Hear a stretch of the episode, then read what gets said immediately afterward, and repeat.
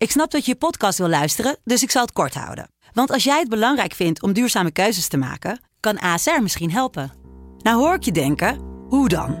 Nou, bijvoorbeeld bij het duurzaam herstellen van schade. Of de premies die we beleggen volgens ons duurzaam beleggingsbeleid. Dat bepaalt waar we wel en juist niet in investeren.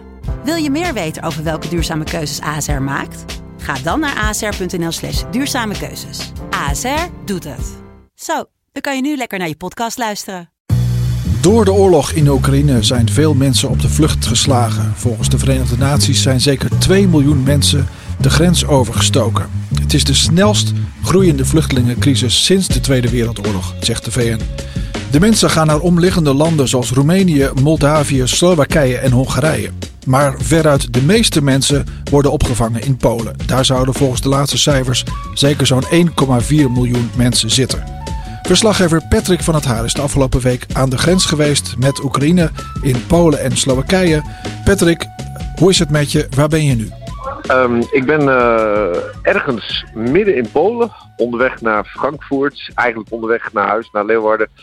En uh, uh, ik zit hier ja, met jou te praten, even langs de snelweg. Een lijntje verderop zitten drie mensen uit Oekraïne die ik een lift geef naar Leipzig vanuit Slowakije. En ja, we zijn onderweg, kilometer na kilometer. En waar heb je deze mensen, deze drie mensen opgepikt? Hoe ben je daarmee in contact um, gekomen? In, in Slowakije, uh, bij de grensovergang bij Uzhhorod. Dat is een uh, Oekraïns stadje uh, op de grens met Slowakije. Um, daar ben ik, nou moet ik even denken hoor, om de dagen lopen. Gisteren ben ik daar geweest. Um, en um, ik, ik, ik was daar nadat ik eerder al in Polen was geweest. En in Polen was het mij opgevallen dat er heel veel mensen opgepikt werden zonder dat er enige vorm van controle of registratie plaatsvond van de mensen die en weggingen en de mensen die ze oppikten. En um, nou ja, dat is iets wat uh, heel veel mensen zorgen baart. Hè. Ook de, de Europese Commissie begint zich er nu tegen aan te bemoeien. Uh, omdat het gewoon zorgt voor onveilige situaties. Nou, met die ervaringen van Polen in het achterhoofd zat ik gisteren in Slowakije. En ik dacht, um, laat ik nou gewoon eens aan de lijve ondervinden van of dat nu echt hier ook zo makkelijk gaat of dat het anders gaat. En um, ik heb mij uh, simpelweg aangemeld. Ik heb iemand aangesproken, een, een, non. En uh, met de vraag van, hé, hey, ik heb plek in mijn auto. Zeg maar, wat moet ik doen? Nou, bleek gelukkig in Slowakije een, een, een, enorm, ja, bijna een soort netwerk opgezet met hulporganisaties en de politie. Waarbij mensen die mensen meenamen allemaal worden geregistreerd. De mensen die vertrekken worden geregistreerd. Nou, en zo uh, kwam ik daar dus in contact met mensen die ik op dit moment met me mee heb. En waar komen ze vandaan? Weet je dat? Ja, um, ze komen uit Kharkov. een van de steden die um, het meest getroffen is door, door het oorlogsgeweld. Um, communicatie met ze gaat best wel lastig, want ze spreken geen uh, Engels of Duits. Dus we hebben geen gemeenschappelijke taal. Het enige wat we hebben is Google Translate. En ja, op die manier proberen we af en toe wat te communiceren. Want ja, we zijn straks toch uh, zo'n 24 uur bij elkaar geweest als we op de eindbestemming Leipzig aankomen. En neem ons eens mee in wat jij aan de grens hebt gezien, Slovaaks, Slovaaks grens. Hoe, hoe was het daar? Was het, was het chaotisch? Was het druk? Was, het, was er organisatie? Um, als je het vergelijkt met Polen, waar ik maandag was, um, dan, dan Polen was, was, was een, een, een soort ja, chaotische toestand. Um, een, een, een open vlakte bij de grens waar wat tenten stonden, waar geen structuur zichtbaar was. Wat waarschijnlijk ook gewoon niet kan. Want terwijl ik daar was, kwamen gewoon. Nou, ik ben daar een uurtje of twee, drie geweest. Er zijn minimaal 1000, 2000 mensen de grens overgestoken in dat tijdsbestek. Dus dat, is, dat zijn enorme aantallen. In Slowakije daarentegen um, is het aantal vluchtelingen licht beduidend lager.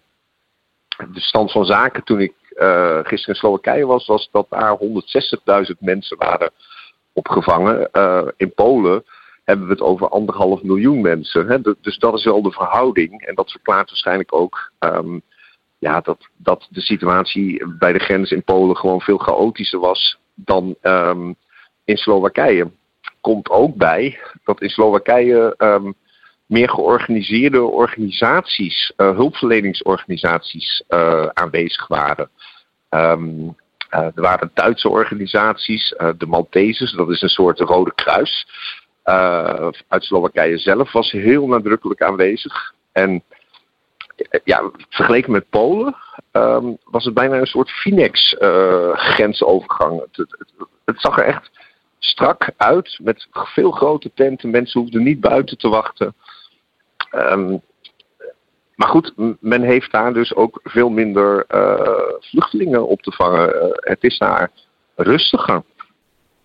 En valt er iets te zeggen over uh, hoe als, je, als je de vluchtelingen, de, de mensen die het land ontvluchten, is vaak mooier een woord dan vluchtelingen, maar de mensen die het land ontvluchten, wat, hoe is er opluchting dat ze aan de andere kant van de grens zijn? Is er, is er vertwijfeling over waar ze nu heen moeten? Is er, is er iets aan te geven over hoe, die, hoe de emoties van die mensen zijn?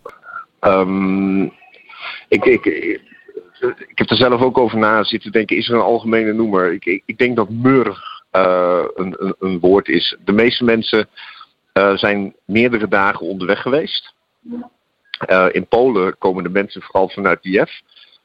Vanuit heel Oekraïne, of vanuit een groot deel van de Oekraïne, vertrekken de vluchtelingen eerst naar Liev en van daaruit naar de Poolse grens.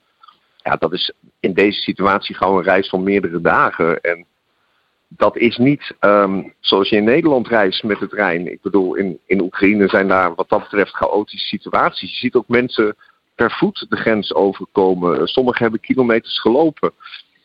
En, en de vermoeidheid is gewoon van de gezichten af te lezen. Het is, het, het is ontzettend. Ja, um, ik, ik, schiet gewoon even vol uh, als ik daar aan denk. als je daar staat die stroom gaat door.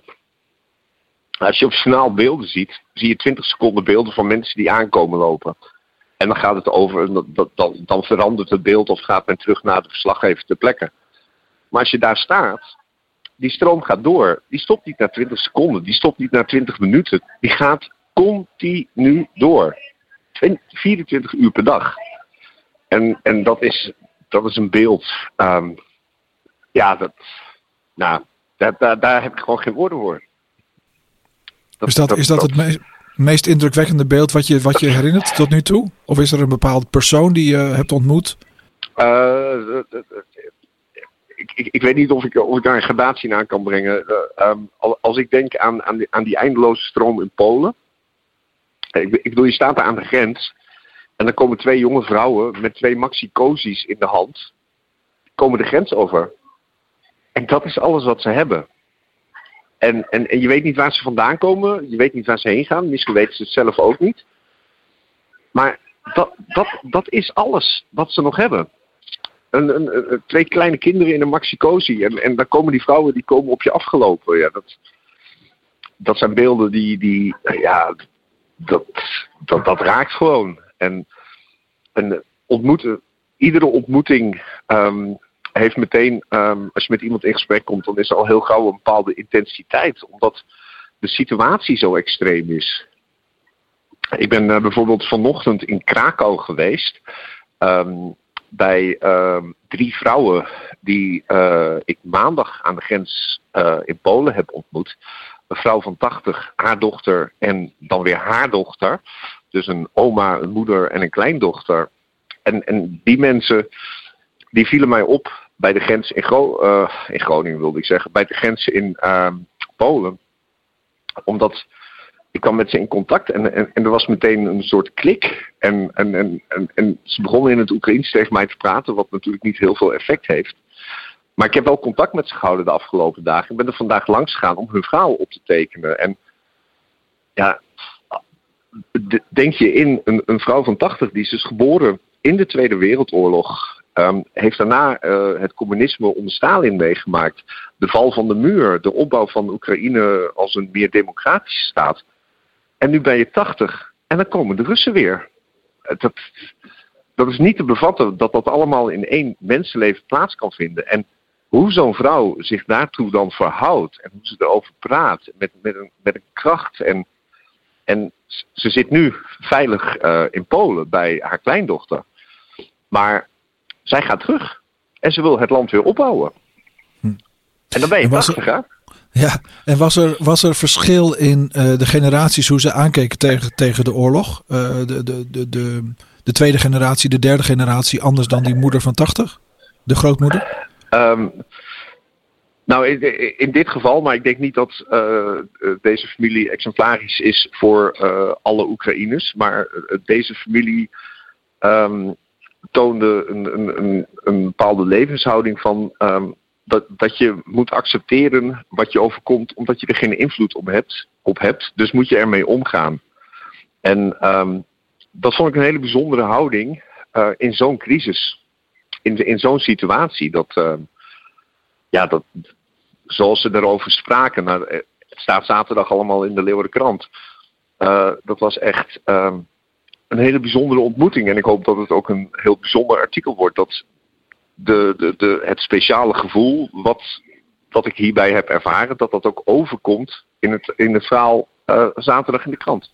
Ja, ja, hey, en jij schreef van de week ook over het gevaar van uh, mensenhandel. Hè? Mensen die zomaar worden meegenomen en misschien worden, ja, worden afgezet ergens waar ze helemaal niet heen willen. Is daar enige uh, controle op en hoe serieus is dat, is dat gevaar? Um, dat gevaar is heel serieus. Um, je hoeft alleen maar um, te denken aan, aan de crisis in 2014, 2015, hè, toen over de Middellandse Zee mensen naar Europa kwamen, naar, en, en in Italië, in, in Griekenland, um, zeg maar, aankwamen. Er zijn meer dan 10.000 jongeren uh, die zich hebben geregistreerd in Griekenland of Italië als vluchteling, zeg maar, die daar zijn geweest. Die zijn kwijt, die zijn zoek. Dus dat betekent dat 10.000 uh, jongeren uh, ja, zijn verdwenen ik wil niet zeggen dat ze allemaal in de handen van mensenhandelaren zijn gevallen of dat ze allemaal in de seksindustrie zijn terechtgekomen. Maar de, de vrees is wel dat dat een groot deel van hen wel is overkomen. En als je ziet dat um, hier um, toch met name zijn het vrouwen die de grens overkomen, al dan niet met kinderen, ja, die zijn kwetsbaar. Ze hebben niks. En als er dan iemand zegt, uh, ik, ik kan jou een plek bezorgen hier of daar. Uh, en, en ze kunnen dan in, in een warme auto stappen in plaats van uren wachten op een bus die, die hen naar een opvangcentrum brengt. Dan is die keuze snel gemaakt. En eh, dan, dan loop je dus het risico dat je dus bij iemand met slechte bedoelingen in de auto stapt. Ik ben ervan overtuigd dat 90% of 99,9% van de mensen die hulp komt bieden aan de grens, dat doet met de zuiverste intenties. Maar ook al is het maar een heel klein deel, we hebben het hier over nu al um, zo'n 2 miljoen vluchtelingen. Met de verwachting dat het op kan lopen tot 5 tot 7 miljoen mensen. Dus dan heb je het over gigantische aantallen. En allemaal mensen die in feite kwetsbaar zijn. Ze hebben namelijk niks, niets meer dan wat ze bij zich hebben. En uh, mensen worden daar ook niet uh, geregistreerd als ze aankomen? Of uh, is, is, daar de toevlucht gewoon veel te groot voor? In Polen is denk ik de toevlucht gewoon veel te groot. Ik, je ziet iedereen daar zijn stinkende best doen. er lopen honderden vrijwilligers rond. De, de, bussen van de grens naar opvangcentra, die rijden af en aan. Ik bedoel, iedereen doet zijn best. Maar beeldjes in dat je als land in, in een dag of tien tijd anderhalf miljoen mensen binnenkrijgt. Um, in Nederland hebben we het over wat moeten we doen als er 50.000 mensen komen. Dat, vergelijk dat met het aantal van anderhalf miljoen. 50.000 is voor Nederland uh, in feite ook een opgave. Maar staat er geen verhouding tot de opgave die er in Polen ligt. Anderhalf miljoen mensen in tien dagen tijd. Ja, en hoe gaan de Poolse autoriteiten daarmee om? Hoe, wat zie je om je heen?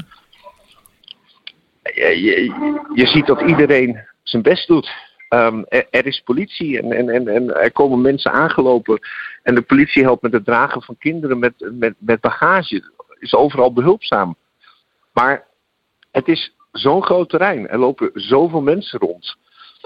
Het, het, het is open, je kunt er komen, je kunt er weggaan. Um, dat is gewoon moeilijk. Je, je zou al al misschien wel honderd mensen nodig hebben om alle mensen ieder uur te, te kunnen registreren.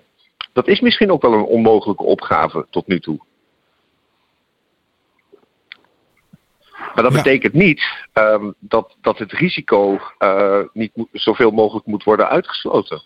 En dat er um, toch ergens iets zal moeten gebeuren uh, in Europees verband om te zorgen dat vluchtelingen vijf, veilig um, zijn en blijven. Ja, zeker. Um, dankjewel Patrick uh, voor nu. Jij gaat nu aan je, je reis terug beginnen. Uh, als je om je heen kijkt en je beschrijft wat je ziet, wat, wat zie je dan om je heen? Is het een, een regulier tankstation omgeving of zijn er ook mensen die hun spulletjes gepakt hebben en op reis zijn? Uh, op de parkeerplaats zag ik uh, diverse auto's met Oekraïnse kentekens. Want ook heel veel mensen komen met de auto gewoon um, Polen binnen. En, en overal in Polen um, zie, je, um, zie je dat er echt een grote crisis plaatsvindt. Op, boven de snelweg hangen borden met informatienummers voor mensen uit Oekraïne die, die, die ze kunnen bellen. Uh, op, op van die displays boven de snelweg uh, zijn uh, blauw-gele vlaggen. Um, mensen rijden rond met blauw-gele vlaggetjes. in Polen is enorm veel militair verkeer onderweg op de snelwegen, alle kanten uit. het is een um, uitzonderlijke, een, een, extreme situatie. En dat, dat merk je overal waar je in Polen komt. En hoe dichter je bij de grens komt, hoe meer je het ziet.